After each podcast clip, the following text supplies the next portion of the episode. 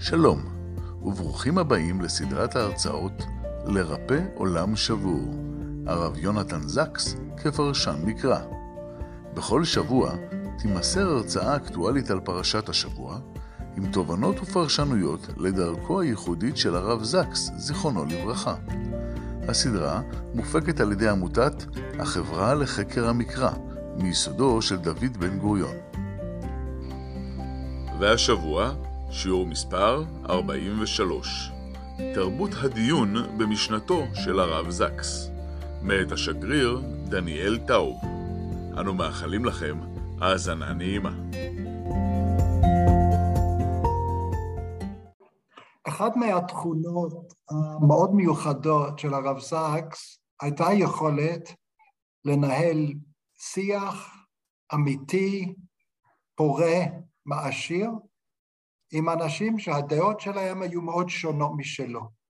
או הם היו מנהיגים של דתות אחרות, או אפילו בתוך העולם היהודי, הם היו אנשים שהגישות שלהם היו מאוד מאוד שונות. חילונים לחלוטין, אתאיסטים, ובעצם ובכל זאת הוא הצליח למצוא איזשהו בסיס לדיון פורה. וכשאני חושב על היכולת הזאת, נראה לי שזה לא היה על אף המחויבות שלו לערכים יהודיים, אלא כתוצאה מהם. הוא שאף מהמורשת היהודית איזושהי יכולת ואיזשהו ציווי לנהל דיון אמיתי עם אנשים ש... שהדעות שלהם היו, כפי שאנחנו אמרנו, מאוד מאוד שונות. ונראה לי ש... שכדאי לנו לנסות להתעמק בזה לא רק להבין קצת יותר את הרב זקס, אלא כיוון שבמידה מסוימת זה צו השעה. אנחנו רואים ש... שבמרחב הציבורי היום כל כך קשה לנהל דיון ענייני מכבד. Uh, יש, יש, במיוחד בעולם של המדיה החברתית, של uh, תיבות תהודה, echo chambers, של cancel culture, נראה לנו שאנחנו איבדנו איזושהי יכולת לנהל שיח מכבד, מעשיר. Uh, יש לא מעט מחקרים שנעשו, במיוחד בארצות הברית, שמצביעים על כך ש... שאנשים יותר ויותר מוצאים איזשהו engagement, איזשהו דיאלוג עם אנשים שלא מסכימים איתם, דבר מלחיץ ומתסכל. ולא רק זה, עוד יותר מדאיג, מחקרים שמראים שכאשר האינטראקציה הזאת מתקיימת, זה לא מגביר את האמפתיה, אבל זה מנמיך את זה. אמ, ואולי המחוזות הכי בעייתיות, באופן מדאיג ביותר, זה הקמפוסים, זה אוניברסיטאות. מקומות שאנחנו היינו מצפים ששם אנחנו נמצא בעצם רעיונות חופשיים, ושם בעצם הפחד, גם מחקרים שמצביעים על סטודנטים שנרתעים מלומר את מה שהם חושבים בגלל פחד. זה מחקרים בארצות הברית, אבל אני באופן אנקדוטלי ראיתי דברים דומים כאן אצלנו בארץ. אני הייתי מעורב בהכנת איזשהו קורס מקוון לכלל התלמידים בארץ בעניינים של דמוקרטיה ישראלית. ויצא לי לשבת במיקוד, בקבוצת מיקוד של סטודנטים, כולל ערבים, חרדים, דתיים, חילונים, ישבתי מאחורי זכוכית חד-כיוונית ושמעתי את הדיון הזה על סוגיות במחלוקת בחברה הישראלית, שבת במרחב הציבורי, אה, אה, גיור, אה, נישואין, וכמובן ויכוחים מאוד קולניים, עד שאחד מהסטודנטים אמר, אני שונא לדבר עם אנשים שלא מסכימים איתי. וזה היה כמעט הדבר היחיד שכל הסטודנטים הסכימו. שיש לנו, אנחנו איבדנו איזושהי uh, יכולת בסיסית, גם, uh, גם במרכזי האקדמיה שהיינו מצפים למצב יותר טוב.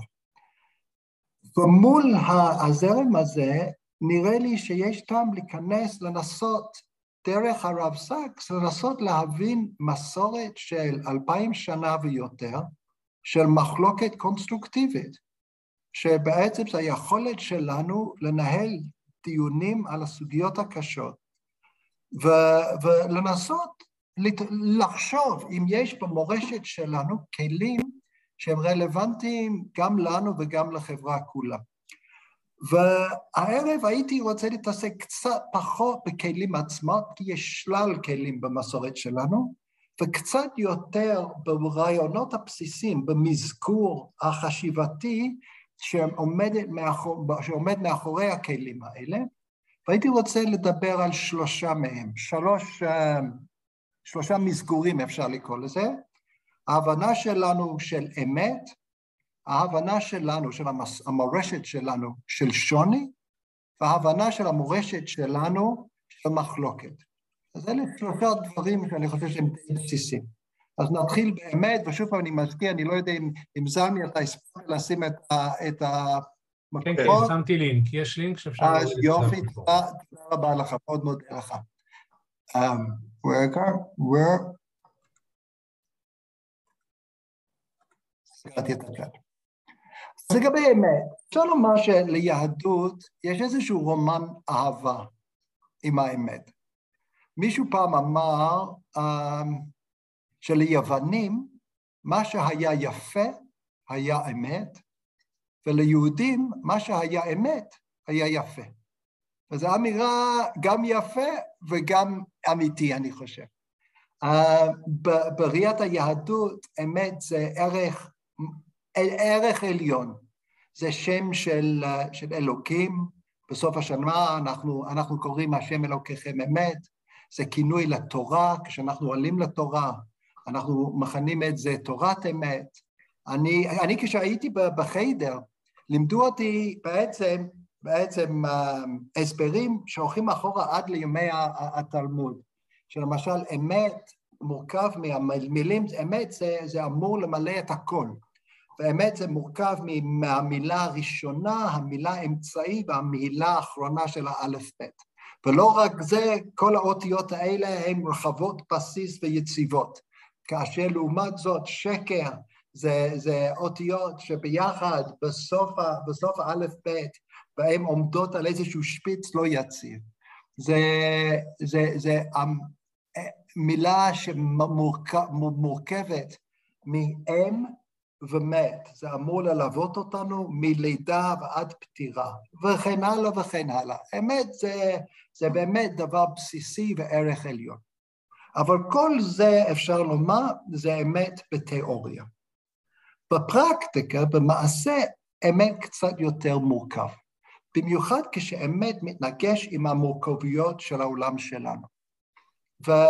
והמורכבות הזאת מוצאת ביטוי במדרש במדרש מפליא בבראשית רבה.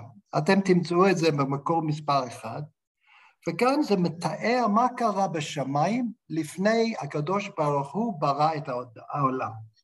וכאן זה מתואר שהקדוש ברוך הוא התייעץ עם מלאכי השרת.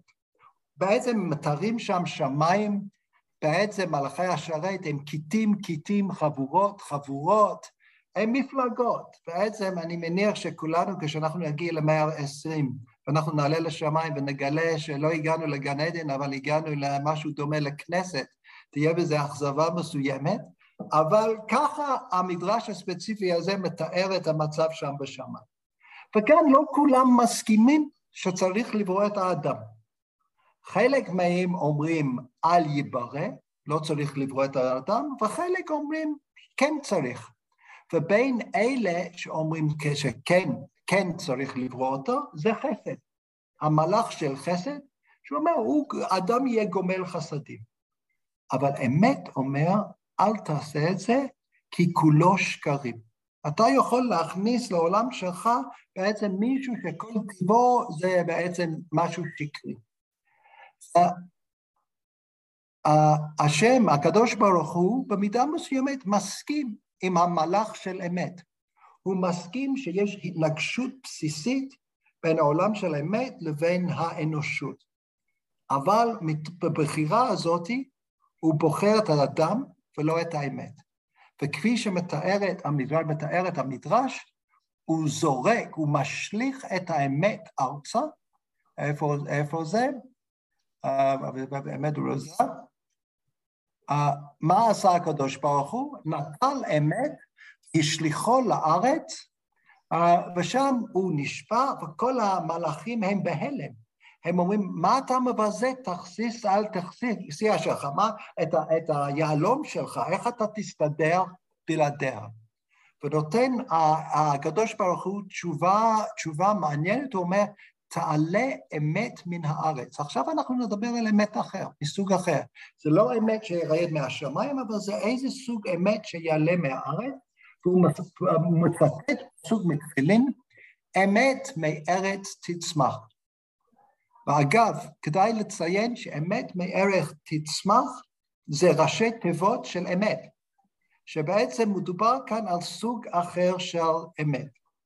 ומה שמעניין במדרש הזה, המדרש הזה היה מאוד אהוב על הרב סקס. והוא ציטט את זה כמה וכמה פעמים בספרים שלו, אבל ההזדמנות המעניינת ביותר שהוא ציטט את זה, זה היה באיזשהו טקס אזכרה לפילוסוף הבריטי ישראל ברלין, ישעיהו ברלין. ישעיהו ברלין היה בין אלה שהיה מאוד מאוד מוטרד מהרעיון של אמת, או אמת מוחלטת. והוא אפילו אמר באיזשהו מקום, כתב, הוא כתב, few things have done more harm than the belief on the part of individuals that they are in sole possession of the truth. אין דבר מסוכן יותר בקרב יחידים או קבוצות שהם מאמינים שהם מחזיקים באמת מוחלטת. ורב סק רצה לייחס לטענה הזאת של, של איזאיה בלין. והוא הסכים שיש סכנות לאמונה שאתה מחזיק בהאמת.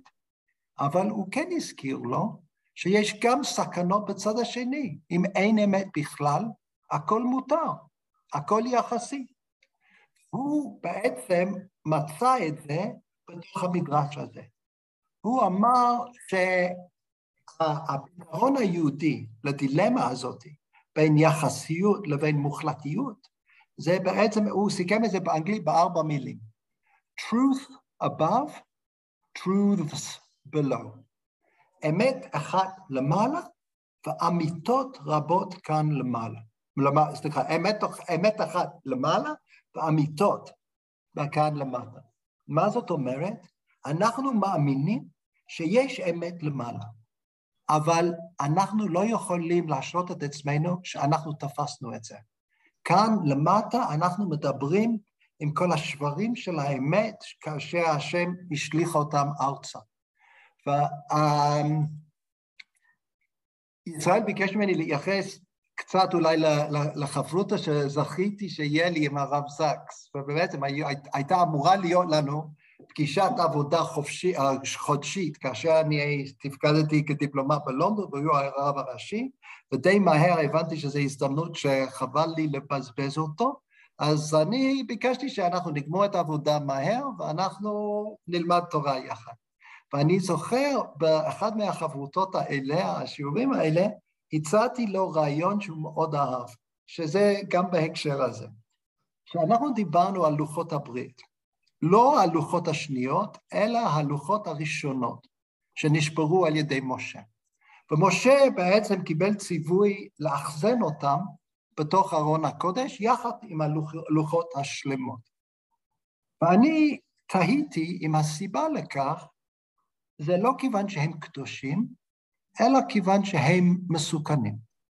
שאולי חלק מהעם ישימו יד על רסיס אחד או שניים, אחד אולי שבא מבין אדם למקום, או שני שבא מבין אדם לחברו, והוא יחזיק את זה ויחשוב שהוא מחזיק בכל, בעיקר. והוא יאבד את הראייה שמזכיר לו שיש גם רסיסים אחרים והוא לא מחזיק בתמונה המלאה.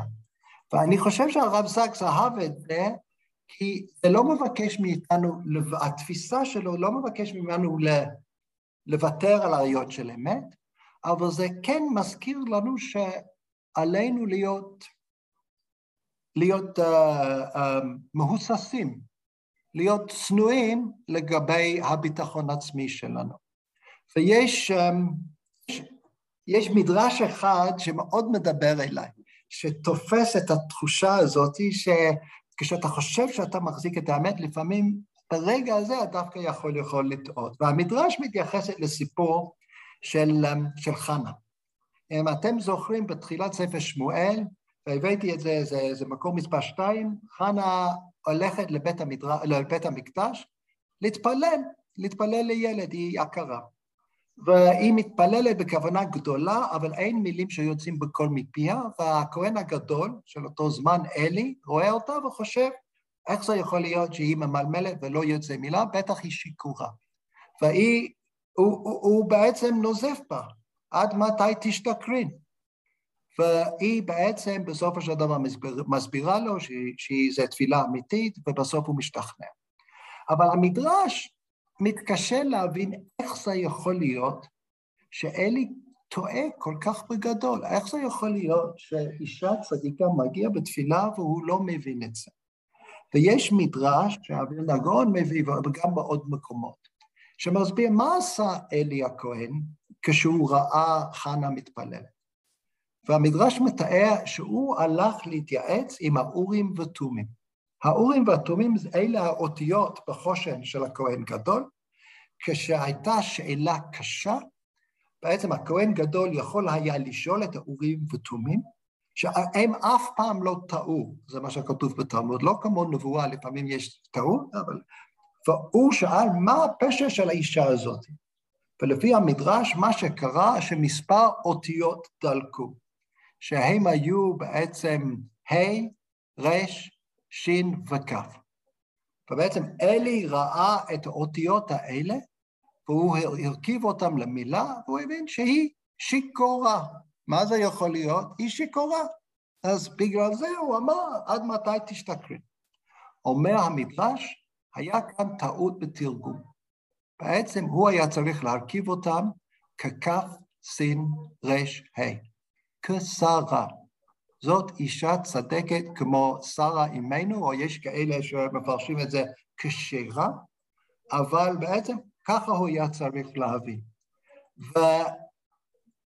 ומה שהמדרש אומר לנו, שדווקא במקום הזה, אנחנו, אנחנו במקום שהאורות דולקות הכי, הכי, הכי בהיר, זה הרגע הכי מסוכן בעצם שיש לנו שאנחנו אמורים בעצם לטעות. כשאני הייתי ילד, הייתה סדרת טלוויזיה באנגליה, סדרה מאוד חשובה uh, על ההיסטוריה של המדע.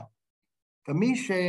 שהיה המנחה של הסדרה היה מדען יהודי פולני, מהגר מפולין, uh, ג'ייקוב ברונובסקי, יעקב ברונובסקי. סדרה מאלפת. ובאחד מהפרקים האחרונים, ברודובסקי התייחס לשאלה של ודאות מדעית והסכנות של התחושה של ודאות, ודאות גם במדע וגם בסוגיות אחרות. והוא תיאר את המחקרים של המדען הגרמני ורנה הייזנברג, שהוא פיתח את מה שהיה אחר כך מכונה עיקרון האי-ודאות, the uncertainty principle. אבל הוא גם ציין שבאותו זמן של ברונובסקי פיתח, עשה את המחקרים שלו, הוא עשה את זה בגרמניה דווקא בזמן שאנחנו ראינו את המחיר הנורא של התחושה של, של ודאות. ובעצם זה כמובן בשואה.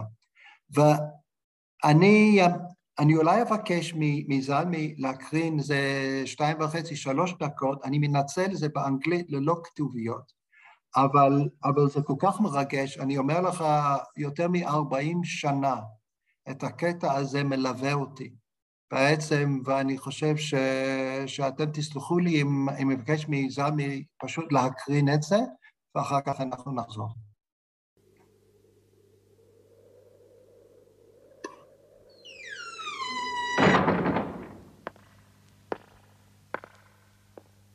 There are two parts to the human dilemma. One is the belief that the end justifies the means. That push button philosophy, that deliberate deafness to suffering, has become the monster in the war machine. The other is the betrayal of the human spirit the assertion of dogma that closes the mind and turns a nation, a civilization, into a regiment of ghosts, obedient ghosts or tortured ghosts.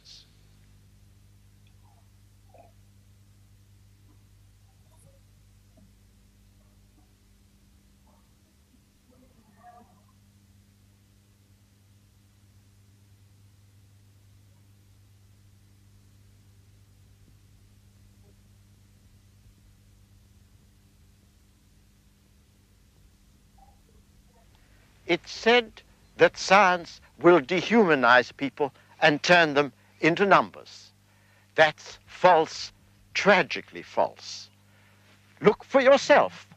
This is the concentration camp and crematorium at Auschwitz. This is where people were turned into numbers.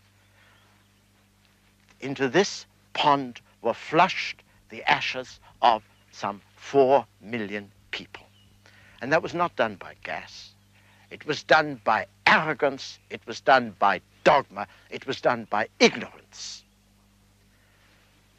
When people believe that they have absolute knowledge with no test in reality, this is how they behave. This is what men do when they aspire to the knowledge of gods. Science is a very human form of knowledge. We are always at the brink of the known we always feel forward for what is to be hoped. Every judgment in science stands on the edge of error and is personal. Science is a tribute to what we can know, although we are fallible. In the end, the words were said by Oliver Cromwell. I beseech you in the bowels of Christ, think it possible you may be mistaken. I owe it as a scientist to my friend Leo Szilard. I owe it as a human being to the many members of my family who died here, to stand here as a survivor and a witness.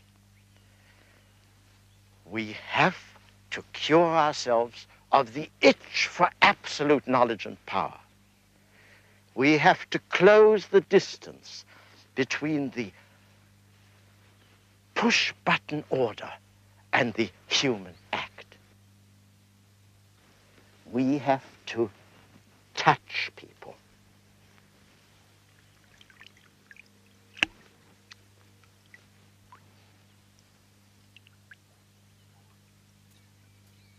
Mr. Zalmi, Afra Lakhnon. Um, את, ה, את הציטוט שהוא מצטט שם מאוליבר קרונוול, אני מתחנן, תחשבו שאולי אתם טועים. זאת אומרת, זה, זה, זה, זה ממש הצעקה הזאת, אני חושב שזה חלק מה-DNA של המורשת שלנו, עד כדי כך שבגמרא, בתלמוד, יש לזה שם. שם ארמי, והשם של זה זה איפכא מסתברא. איפכא מסתברא, משמעות הדבר, אולי אתה טועה. וזה בעצם נוגע בלב של ההיגיון, של הלוגיקה התלמודית, שבעצם אם, אם, אם מתבססים על משהו ש, שרב, תנא אמר, טועים, אולי הוא אמר את זה בהקשר אחר. אולי זה לא כל הציטוט שלו, אולי הוא בכלל לא אמר את זה. מישהו פעם ניסה להסביר מה ההבדל בין היגיון יווני לבין היגיון תלמודי. והם אומרים, היגיון יווני זה מאוד פשוט. אתה אומר, הציפור עורב הוא שחור. הציפור הזה, בואו נגיד, ההיגיון היווני זה אומר, כל עורב הוא שחור. הציפור הזה הוא עורב, חייב להיות שהציפור הזה שחור. זה ההיגיון היווני. ההיגיון התלמודי דומה אבל קצת שונה.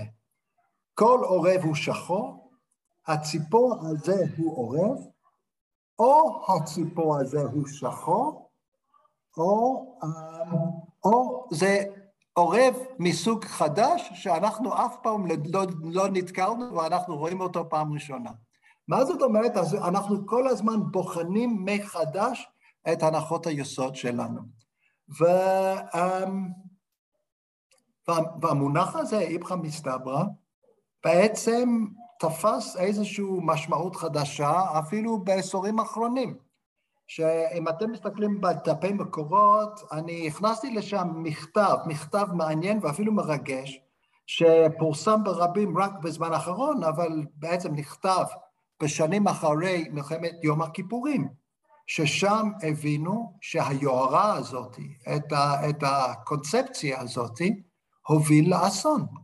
ובעצם אחד מהלקחים בעצם של הוועדות חקירה לאחר מכן, הייתה צורך להקים יחידה מיוחדת, שהתפקיד שלה זה היה לאתגר את כל המוסכמות, כל הנחות היסוד, ואיזה שם נתנו ליחידה הזאת, וזה מופיע במכתב, יחידת איפכא מסתברא.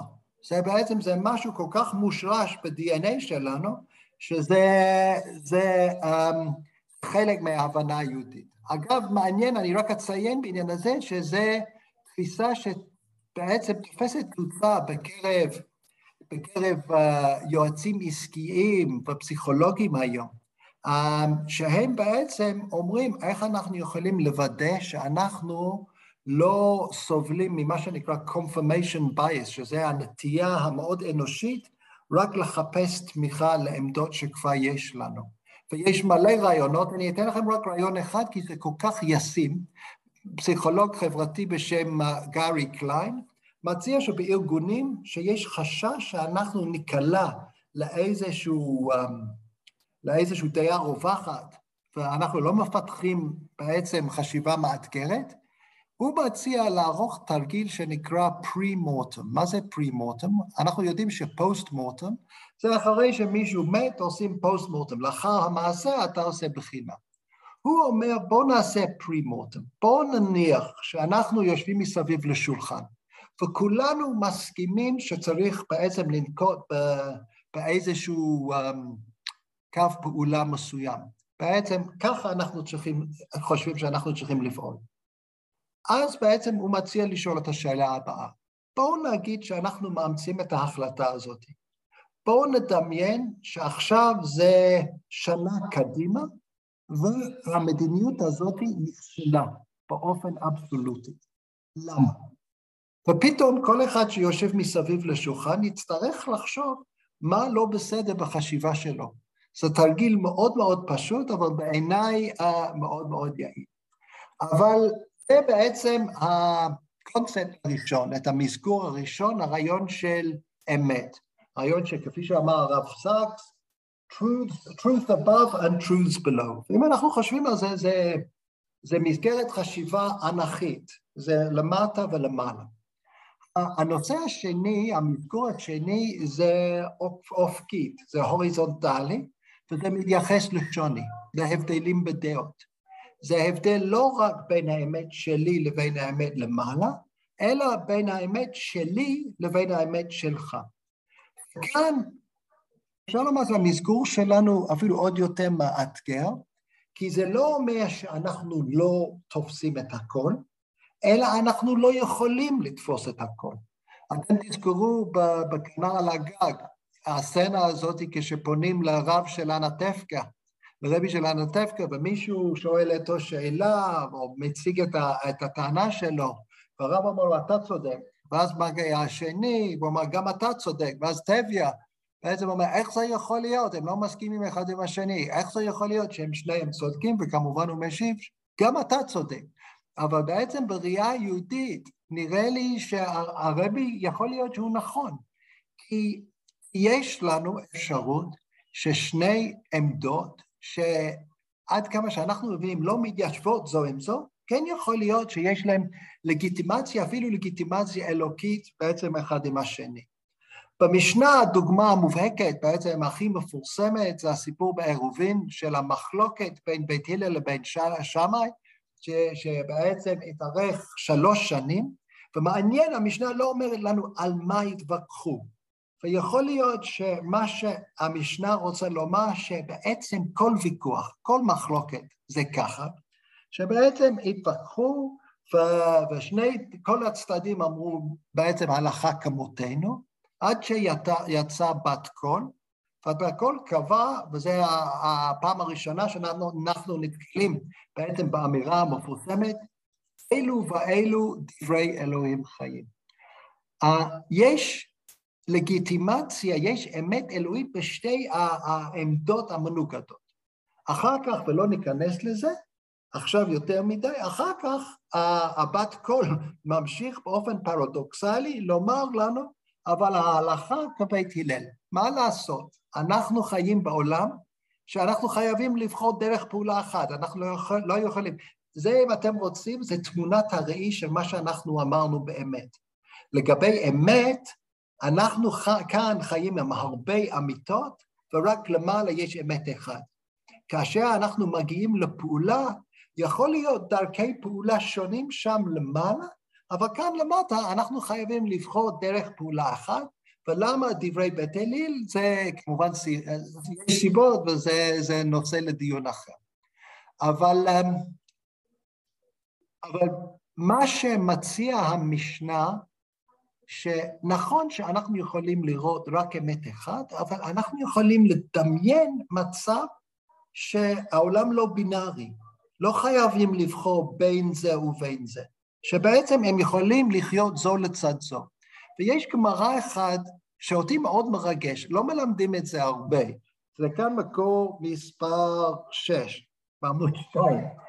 Um, לא מלמדים את זה הרבה, כי זה מתייחס לפרק די בעייתי או מאתגר בספר שופטים, הפילגש בגבעה. וזה לא פרק הכי אהוב או הכי קל. אבל מה שאני מציע, אם אנחנו יכולים להשאיר את כל ההיבטים הלא פוליטיקלי קורקט של הפרק הזה הצידה, ולהתייחס רק למה שהגמרא עושה עם הסיפור הזה. בתוך הסיפור יש בעל שיש לו פילגש, והוא כועס על הפילגש והוא זורק אותה החוצה. ויש מחלוקת מתוארת בגמרא בין מכנס שני הרבנים, בין הרב אביתר לבין הרב יונתן, מה עשתה הפילגש הזאתי להכניס את בעלה? ואחד אומר שהוא מצא נימה, שערה בתוך המרק, והשני אומר שהוא מצא זבוב. וזה הוויכוח. ואז קורה הפרק הבא שאנחנו רואים במקור מספר 6. ואז רב אביתר לאליהו. הם כנראה עושים איזושהי הפסקה בלימוד, ורב אביתר נתקל באליהו הנביא. והוא שואל את אליהו הנביא, מה יקרא את הקדוש ברוך הוא? מה הקדוש ברוך הוא עושה ברגע זה, עושה ברגע זה? אומר אליהו, הוא עוסק בפרק הזה של פילגש בגבעה. אז אביתר חושב, הנה, איזה מזל, אני יכול לשאול מה הוא חושב. אז הוא אומר, מה הוא אומר? אומר אליהו, מה שאומר אלוקים בעניין הזה, שאביתר בני, ככה הוא אמר, ויונתן בני, ככה הוא אומר. אגב, כשאנחנו חושבים על זה, זה, זה סיפור מדהים. אנחנו, את המקורות, הם, מישהו שואל, הם, אני הבנתי שזלמי עשה בצ'אט. Uh, זלמי, אם יש בעיה uh, עם הלינקים, תנסה עם הלינק, אם לא, תכתוב עוד הערה בצ'אט וזלמי יראה את זה. Uh, אנחנו תמיד מתפלאים בסיפור על uh, המדהים בגמרא של הרב, של התנור של הקנאי, שאנחנו יודעים שהמסר הזה לא בשמיים היא. אבל מה שאומר הגמרא הזאת, שזה כן בשמיים, אבל כן בשמיים במובן שאנחנו לומדים כאן, ואז הקדוש ברוך הוא לומד מהתלמידי חכמים שלומדים כאן למטה. אבל היית חושב שהרב אביתר יהיה מאוד שמח שהקדוש ברוך הוא לומד מהעמדה שלו, אבל לא. הוא אומר, חס ושלום, ומה איכא ספקא כמה שמיימה? אנחנו, האם יש ספקות בשמיים? אנחנו לומדים כאן, כי אנחנו חשבנו שאולי יש הרבה סוגי אמת כאן למעלה, ויש אמת אחת למעלה. ואז אומר הרב אליהו, ואליהו אומר, לא. בעצם הוא אומר, אלו ואלו דברי אלוהים חיים הם, איך זה יכול להיות? בעצם אומר, אבל קודם כל הוא מצא זבוב, ואחר כך הוא מצא נימה, הוא מצא שערה. לא רוצה להיכנס לדוגמה, אבל נראה לי שיש כאן ניסיון של הגמרא לתאר את הראייה ששני דברים שאצלנו נראים מנוגדים, יכולים בעצם להיות שניהם אמיתיים. אני לא יודע אם אתם זוכרים. לפני כמה שנים היה באינטרנט, היה כאילו ויכוחים על איזה שמלה. אם זה כחול וצהוב, או לבן וזהב, או משהו כזה, והיו ויכוחים סוערים, מסתבר ששניהם צדקו במידה מסוימת, אז זה הראייה של, של הגמרא הזאת. נראה לי שמי שלקח את הרעיון הזה הכי רחוק במחשבה, במחשבת היהודית, זה בעצם זה הרב קוק, שהוא בעצם האמין שכמעט ואין דעות שלא יכולות לחיות זו לצד זו. אמ, עד כדי כך שהוא תיאר את זה כאחדות ההפכים או איחוד ההפכים. וזו סוגיה גדולה, אבל רציתי להביא רק, רק תיאור אחד שלו, אמ, דימוי אחד, שמאוד מאוד מרגש אותי, הבאתי את זה, זה מאורות הקודש, ואתם תמצאו את זה בעצם במקור מספר שבע. בעצם, והוא מתאר ככה, כל הניגודים הנמצאים בהדעות, וכל אותה האפסיות שלפעמים נראה מחוג אחד על חברו, ונראה לי שזה לא, לגמרי לא מדויק לתרגם את האפסיות כאן, all the canceling, like the cancel culture. אלה שלא יסכימו לשמוע את הדעות של אחרים, כל הדברים האלה, הוא אומר, למסתכל פנימי, למי שמסתכל טוב טוב, מתראים הם כמו הריחוקים מקומיים של שתילים. הוא אומר שכל המרחקים האלה, ההבדלים האלה, שנראים כמו פערים, את האמת, הדוגמה שהוא מביא, זה המרחקים בין שתילים. והוא אומר, זה לא בעצם מרחקים, הדברים האלה הם חיוניים לטובת רעננותם ושביעת יניקתם, שכל אחד ואחד יתפתח במילואו, ובעצם בכל אחד, בעצם uh, מה שהקירוב, אם הם היו קרובים מדי אחד לשני, בעצם זה היה מקלקל אותם. בעיניי זו דוגמה מאוד מאוד מעניינת, שהוא אומר כאן שבעצם ההבדלים שאתה רואה בין הדעות, זה לא בעצם הבדלים. זה בעצם המרחב שאנחנו צריכים לאפשר לכל דעה להתפתח ולגדול. ואחד מהדברים שזה מעניין אותי, שהרעיון הזה מתפתח בקרב הסוציולוגיה החברתית הלא יהודית היום. ויש כמה וכמה חוקרים שכותבים על זה, כאשר אולי אחד מהבודקים שלהם סופר בשם גונת'ן הייט, שהוא במקרה יהודי, אבל הוא לא כותב בתור יהודי, הוא בעצם פסיכולוג חברתי, הוא כתב כמה ספרים, אחד מהם The Righteous Mind, המוח הצדיק, אפשר לומר, הוא מנסה להוכיח שבעצם כשאתה פוחד שמרנים וליברלים, בעצם בסופו של דבר יש להם, יש להם תשתית, אדמה משותפת של ערכים משותפים. וזו תורה מרתקת, הוא אומר שבעצם אין ניגוד ביניהם, יכול להיות שהמתכון שכל אחד מוצא שקצת שונה. הבאתי כאן בדף מקורות ציטוט אחד ממנו, שבעיניי יכול לעבור כבר מרב קוק. הוא אומר, Night and day are not enemies, nor are hot and cold, summer and winter, male and female. We need both often in a shifting or alternating balance. אין בעצם הבדל, אין, אין יריבות של ממש בין, בין לילה ויום, בין, בין חום וקור, בין קיץ לחורף. בעצם אנחנו צריכים את כל הפנים השונים בעצם האלה, אה, ובעצם אין כמו השתילים, השתילים השונים של הרב קוק. אז זה בעצם המסגור השני, ואני רוצה בקצרה להתייחס למסגור השלישי. בעצם זה על מחלוקת. אם אנחנו אמרנו שהמסגור הראשון זה אנכי, והמסגור השני זה מסגור בעצם אופקי, בעצם יכול להיות שכאן אנחנו מנסים לשלב בין שתי הדינמיקות האלה, ההוריזונטלי והוורטיקלי, ובעצם בראיית החז"ל, השם היפה שהם נתנו לזה, זה מחלוקת לשם שמיים. ואני חושב שמה שיפה כאן זה מחלוקת לשם שמיים משלב בין ההוריזונטלי, זה המחלוקת, לשם שוניים, זה הוורטיקלי.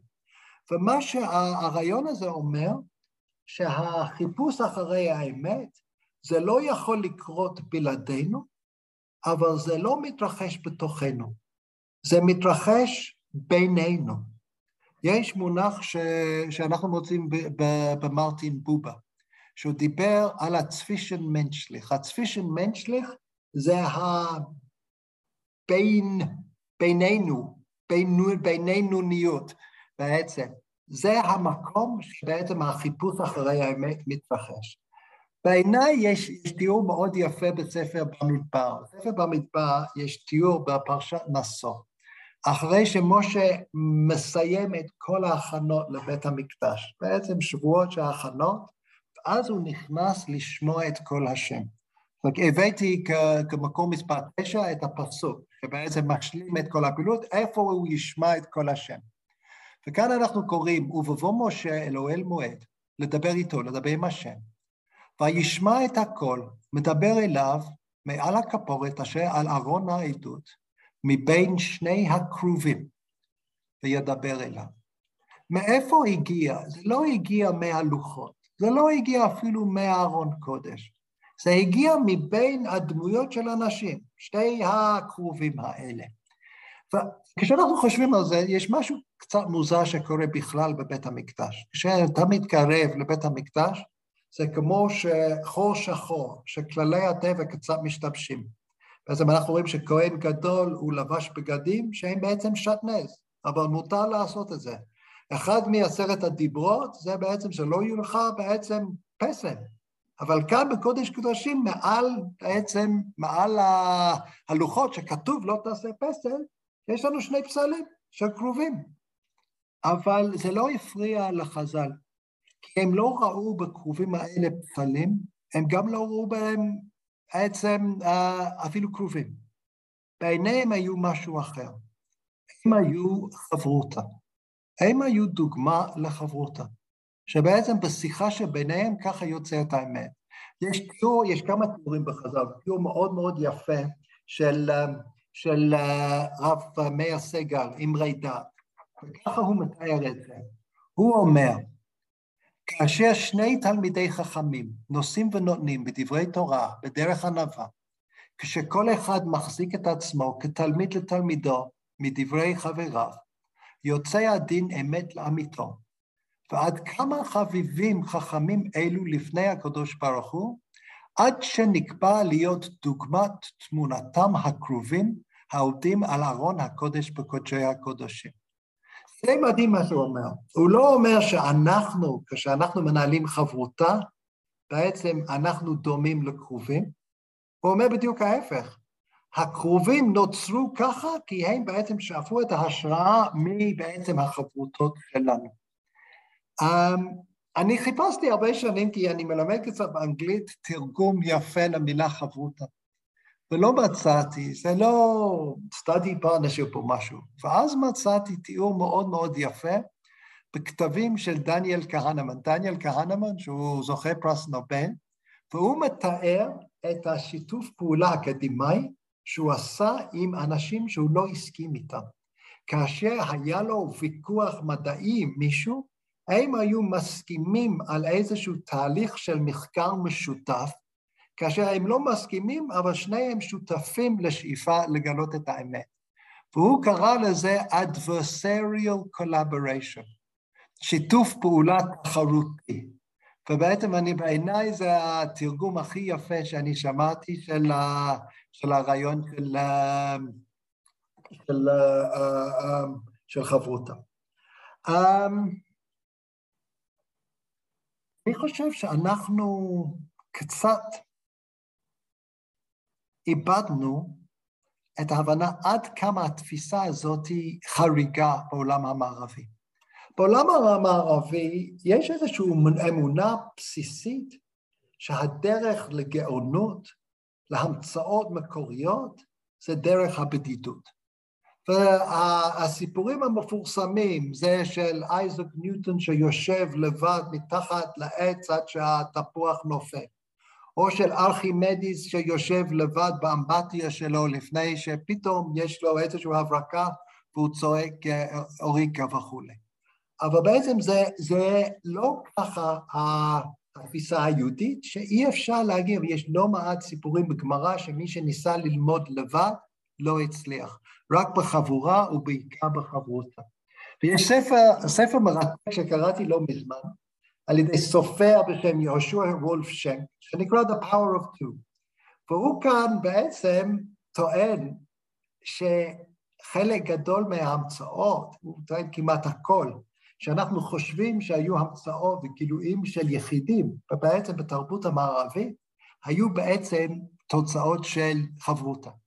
ולא רק הדוגמאות המפורסמות של האחים רייט שהמציאו את המטוס, או, או, או, או פייר ומארי קיורי וכולי, אלא גם אנשים שחשב, הם חשבו לבד, אם זה איינשטיין, אם זה ואן גוף, אם זה כל מיני, בעצם הוא מגלה את החברותה שלהם.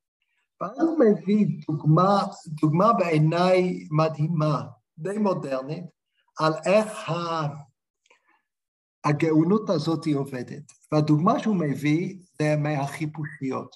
החיפושיות היו בעצם, היו ביניהם שניים שהלחינו את רוב השירים שלהם, ג'ון לנין ופול מקארטני.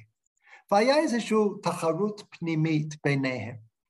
כאשר בעצם, כאשר הם היו מוציאים סינגל חדש, תקליט של שיר אחד, בעצם היה ויכוח ביניהם איזה שיר שלהם, בואו נגיד שניהם כתבו שיר, איזה שיר צריך להופיע בצד ה-A, בצד האלף, ואיזה שיר בצד ה-B. כי בעצם הדי-ג'אים ברדיו היו בעצם משדרים, היו בעצם מנגנים את השיר בצד האלף. ואז הוא אומר, הגיע המצב, תמיד היה לה ויכוח, ואז הגיע רגע ששניהם כתבו שיר, ושני השירים האלה היו מבריקים. בעצם אחד היה Strawberry Fields Forever, שזה ג'ון לנון, והשני זה היה Penny Lane, שזה פול מקארטני, למי שמתמצא בחיפושיות. ואז היו להם הוויכוח הזה, ואז הם עשו דבר שאף פעם לא, לא נעשה בהיסטוריה. ומה זה היה? הוציאו מה שהם כינו Double A-Sided Record. זה תקליט שאין לו צד ב'. שני הצדדים הם צד א'. ובעיניי זה מטאפורה לשאיפה של יהדות למחלוקת לשם שנה. אנחנו רוצים שהטיעונים שלנו יוצגו בצורה הטובה ביותר, אבל אנחנו רוצים גם שאלה של הצד השני ימצאו את, ה, את הביטוי הטוב ביותר, כי בסופו של דבר האמת זה לא בתוכי ולא בתוכך. אלא בתוך המחלוקת. זה לא אני שזה לשם שמיים, זה לא אתה שזה לשם שמיים, זה המחלוקת לשם שמיים. והשאיפה שלנו בעצם לעשות את זה משחרר אותנו מה, מהצורך כל הזמן להיות צודק. בעצם הרב זק כתב משהו מאוד יפה, שבמחלוקת לשם שמיים, לא, אתה לא יכול להפסיד בסופו של דבר. כי או אתה בעצם זוכה בעצם, מנצח בוויכוח, או אתה לא מנצח ואתה לומד ואתה צומח, והאופקים שלך מתרחבים. ואם אתה מאמץ את הגישה הזאת, אני חושב שזה משחרר אותך במידה מסוימת מהמלכוד של מחויבות לעמדות שלך. יש דוגמה אחת בתלמוד שאני חושב שזו דוגמה די מדהימה ומרגשת. זה מגיע בפסחים, אתם תראו את זה במקורות, בואו נראה, כן, 13, שבעצם כתוב שם, שמעון האמרסוני היה דורש את כל האתים שבתורה. מה זאת אומרת? שמעון האמרסוני קבע לעצמו אתגר, שהוא רצה להסביר את כל פעם שהמילה עת מופיע בפני איזושהי מילה בתורה, הוא רצה להבין, יכול, לא יכול להיות שהאתים האלה הם מיותרים. חייב להיות שכל אחד ואחד מהם מלמד אותן משהו חדש. אז הוא עבר אחד-אחד וניסה להביא פירושים למילה עת. אני עשיתי חיפוש בגוגל, מסתבר שיש 3,420 אתים. והוא עבר על כולם והציע בעצם הסברים. אמ, ואז הוא נתקל בבעיה, כי הוא הגיע לפסוק את השם אלוקיך תירא. ואז הוא חשב, מה אפשר להוסיף להשם אלוקיך? זה לא יכול להיות שיש משהו להוסיף לזה. ואז הוא הבין שכל מפעל חייו בעצם היה מבוסס על טעות, והוא חזר בו. ואז אמר, בעצם אמרו לו תלמידיו, רבי, כל העטים שדרשת, מה יהיה עליהם? אמר להם, כשם שקיבלתי שכר על הדרישה, כך אני מקבל שכר על הפרישה. אז קודם כל זו אמירה די מדהימה, מישהו שמוכן להשתחרר מפעל חייו למען החיפוש אחרי האמת, אבל זה אחד מה... מה... מההשלכות של מחלוקת לכם שמיים. אז um, הייתי אומר, אני חושב שאנחנו נוטים לחשוב על מחלוקת כאיזושהי בעיה שאנחנו חייבים לפתור אותה. זה, זה הרעיון, הפתרון זה, זה, זה, זה היד שלנו. אבל נראה לי ששלושת המסגורים האלה, שאנחנו מוצאים במורשת שלנו, מציע משהו אחר, שזה לא בעיה לפתור, אלא זה איזשהו מנוע לאנרגיה אינטלקטואלית חיובית. ובעצם ההבדלים שבינינו הם, הם המרחבים בין השתילים, הם הצפישן מנשלך, הם חלק מה... הרגישות האינטלקטואלית שלנו. אני, יש לי חבר שהוא כומר נוצרי, והוא הראה לי את, ה, את התנ"ך שלו. התנ"ך שלו זה בעצם, הוא איטלקי. התנ"ך שלו זה הטקסט הלטיני והטקסט האיטלקי. אז אני חשבתי איך אני משווה את זה לטקסט שאנחנו קיבלנו במצווה שלנו של מקראות גדולות, שמה שיש לנו זה לצד הטקסט, יש לנו רש"י, ויש לנו רמב"ן, ויש לנו ספורנו, ויש לנו איבון ארץ עזרא, וכל אחד מתווכח אחד עם השני, אבל אם זה נופל לארצה, אנחנו מרימים את זה ומנשקים את זה, כי בעצם בעינינו הכל כאן קדוש. זה בעצם, זה האנרגיה האינטלקטואלית שלנו. ואולי נסיים עם סיפור שמאוד מדבר אליי. מדבר אליי. היה בחור ישיבה שהייתה שאלה שמאוד מאוד הטרידה אותו, והוא שאל את כל הרבנים והמורים בעיירה הקטנה שלו, בכפר שלו, ואף אחד לא יכול לענות. הציעו לו לשכוח את השאלה, והוא לא יכול היה לשכוח את השאלה. ואז הוא פנה אליהם והם אמרו, יש רק רב אחד, הוא גר די רחוק, ורק הוא יכול לענות לך על השאלה הזאת. ואז בעצם אחרי הרבה זמן של התלבטות הוא מחליט שהוא חייב ללכת. הוא עוד הולך כברת דרך, הוא סוף סוף מגיע לרב המפורסם הזה, הוא נכנס אליו והוא מספר לו את השאלה שלו. והרב חושב לדקה ואז הוא אומר לו, זה באמת שאלה גדולה, אבל תגיד לי, האם אתה מוכן לוותר אליו, עליה, לסתם תשובה? וככה נראה לי שזה חלק מהראייה של המורשת שלנו לגבי, לגבי המחלוקת. אז uh, אני אסיים כאן בתקווה שלכולנו יהיו לנו מחלקות פוריות, מעשירות, uh, לשם שמיים. תודה רבה. תודה רבה. אם יש שאלות, יש פה, אני רואה גם הערה בצ'אט, אם אתה יכול בבקשה מרתיו להתייחס לזה. כן, בבקשה. הקדוש ברוך הוא ברא... בואו נעבור, קודם, אה, אם לא עשית את זה, זעמי, אם אתה יכול לשים את הקישור לסרטון בצ'אט, כן. אתם יכולים לקחת את זה. אה, קודם כל, הערות מאוד מאוד יפות. אה, בעצם, גם לגבי הערבוב של יום ולילה, מחלוקת בית הלל ובית שמאי. לא חולקים מהי האמת, אבל כיצד לנהוג. אז קודם כל זה לא דיון, זה נכון שזה לא דיון תיאורטי, אבל אני כן חושב שיש הרבה מה ללמוד. במיוחד מבית הלל. למה בסופו של דבר אנחנו בוחרים ללכת לפי בית הלל? קודם כל יש מחלוק, לא מחלוקת, אבל יש הבדל בין הבבלי לבין הירושלמי. לפי הבבלי זה היה כיוון שהם למדו, בית הלל גם למדו את, ה, את העמדות של בית שמאי ולימדו אותם יחד איתם. לפי הירושלמי זה עוד יותר משמעותי, שבעצם כתוב שם שבית הלל היו מוכנים לחזור בעצם מהעמדות שלהם אחרי בחינות של, בחינת העמדות של, של בית שמאי. אבל, אבל אחד מהדברים שנראה לי, הלל בעצם בתלמוד נשאר בעיניי דוגמה, דוגמה מאוד מאוד ייחודית של היכולת להקשיב לשנים. ויש הרבה מה לומר את זה, אבל אני רק אציין נקודה מעניינת, שרוב התלמוד, הרבנים בתלמוד, אנחנו פוגשים אותם כשהם מדברים. פעם ראשונה שאנחנו פוגשים אותם זה כשהם מדברים, שמביעים את, את העמדה שלהם. רק הלל, אנחנו פוגשים אותו לראשונה כשהוא מקשיב. הסיפור הראשון שזה הלל זה הסיפור הידוע, שלא היה לו את הכסף להיכנס לבית מדרש, אז הוא עולה לגב, ושם דרך הערובה הוא מקשיב. למה הוא מקשיב?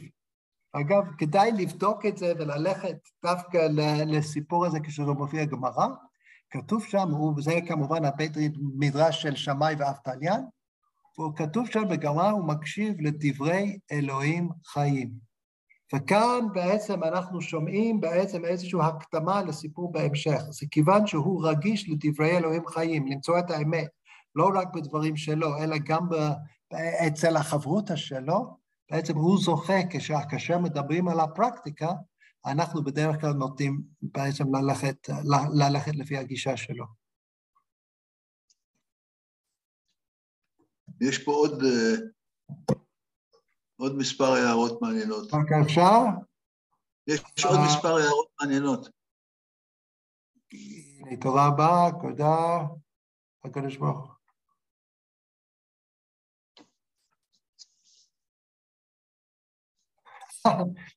השאלה המתמטית, אפשר להביא משפט מתמטי הממחיש שנאמר בהרצאה, קווים מקבילים נפגשים אין סוף. אז קודם כל זה, לא חשבתי על זה בעצם בראייה מתמטית. אבל אני חושב שהמתמטיקה זה כן דוגמה, בעצם לפחות, לפחות המתמטיקה המודרנית, שיש דברים שהם כאילו מעבר לדמיון שלנו, אבל רק על ידי קבלת עקרונות מסוימים אנחנו יכולים בעצם לפעול נכון ולהגיע בעצם לתובנות מתמטיות אפילו בעולם שאנחנו מבינים. אמ, אז בסדר, אז אמ, אני, אני אמשיך לחשוב בעצם החל מההערות שאין לי תשובות לכל, מה גם בעצם, איך זה יכול להיות שאחרי שיחה כזאת אנחנו לא בעצם נתווכח על משהו ונמצא איזושהי מחלוקת לשם שמיים, אנחנו צריכים למצוא איזשהו הבדלים פוריים, אני חושב שזה צו השעה. אוקיי, okay, אז אם אין יותר שאלות, אז זלמי רוצה להעלות סרטון. זלמי, בבקשה. ותודה רבה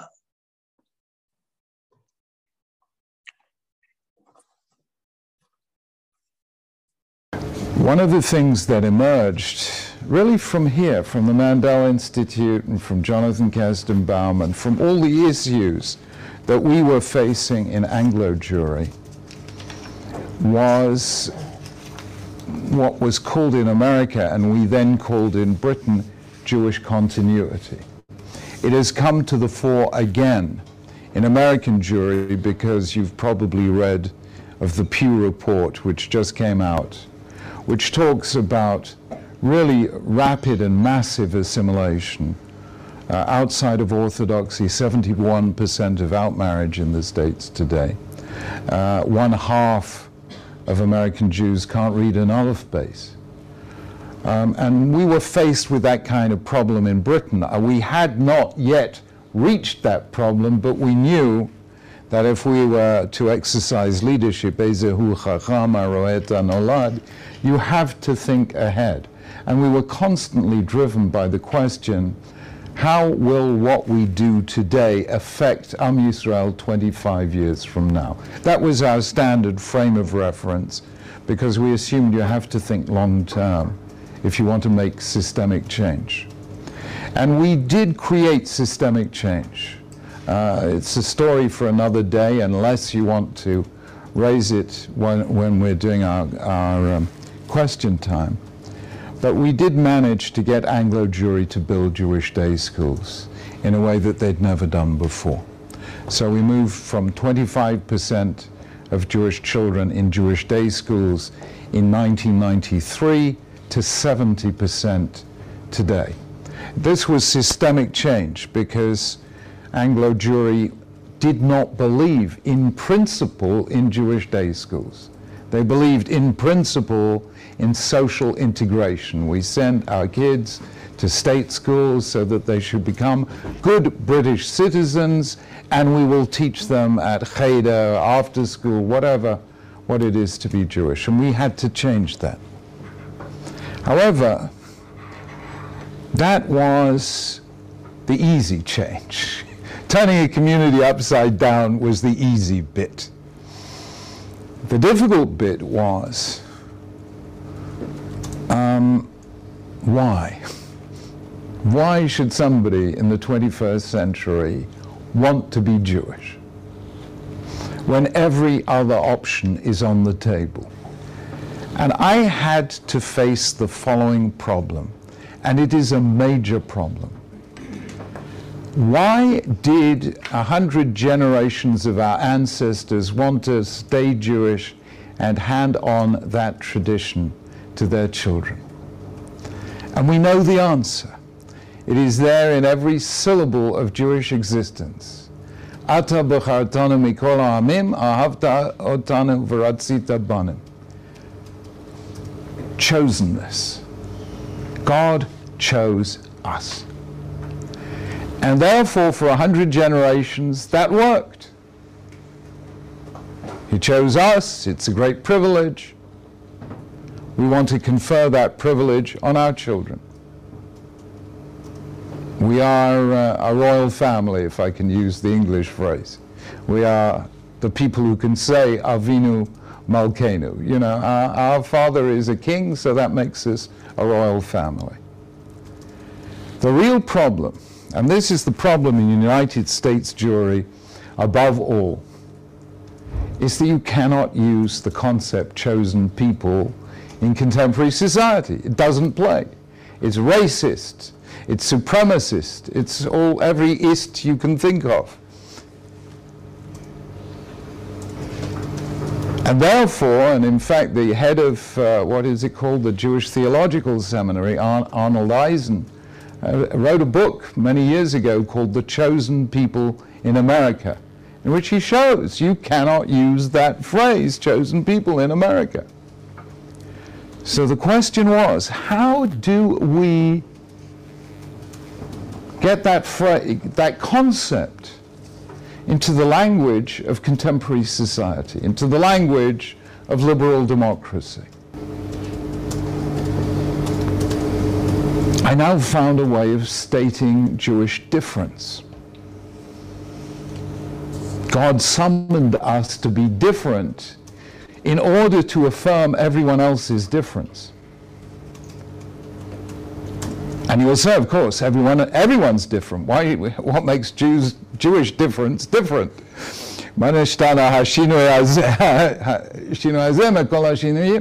And the answer is true, everyone's different. It's just that throughout history, Jews were the only people to insist on the right to be different, the duty to be different, the dignity of difference. They are the only people who over Tvach in time did not assimilate to the dominant culture or convert to the dominant faith. They were the ones who saw difference as a mitzvah rather than, a, uh, uh, than as a metziut and uvda, fact.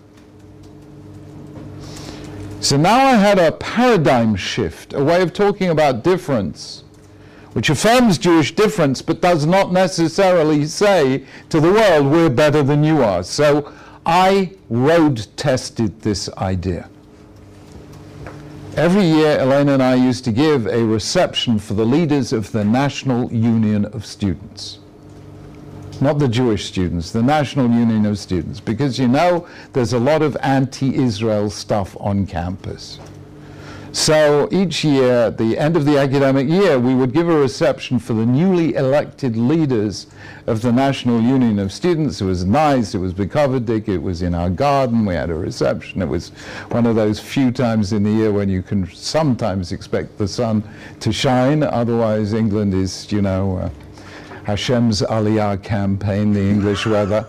Um, and uh, and so, you know, they felt a little bit special. And I sat, each year I would sit and give a little shiur to them, just like I'm doing to you. And so we had, you know, Christians, Muslims, Sikhs, Hindus. And for two years I gave them a shiur on the dignity of difference, just to see how it played with non-Jews. And I could see, it's very sweet, uh, Valley, to say so, but I could see they were walking out of that room a little taller than when they came in. And you could read the thought. Oh, we always knew we were different, but until now we thought that was a bad thing. And here's the chief rabbi saying it's a good thing. The second I saw that, I knew we have found the way of talking about chosen people in contemporary discourse. Jews were commanded to be different to teach the world the dignity of difference. And that is to give it its technical name, universalizing particularity. It was, and so we were able to ask the question why? Why be Jewish? Because we are here to defend everyone else's right to be different. And that played and so we were able to answer the question why in the discourse of 21st century liberal democracy and pluralist society.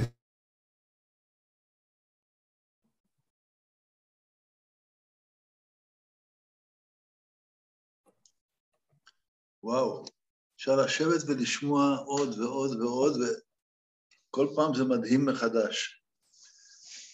מר טאוב, תודה רבה. לימדת אותנו שיעור מאוד מאוד מעניין הערב. אני חושב שאני יכול להיות פלא לכל החברים פה ולומר לך יישר כוח גדול. תודה רבה. יש עוד שאלות? מישהו רוצה לשאול משהו? אה, מישהו רוצה את הקישור לקטע של הרב זקס. זלמי, אם אתה יכול אה, לחבר את זה. אני אשלח תכף. מאה אחוז. Okay. אוקיי. ערב טוב. ערב טוב, תודה רבה.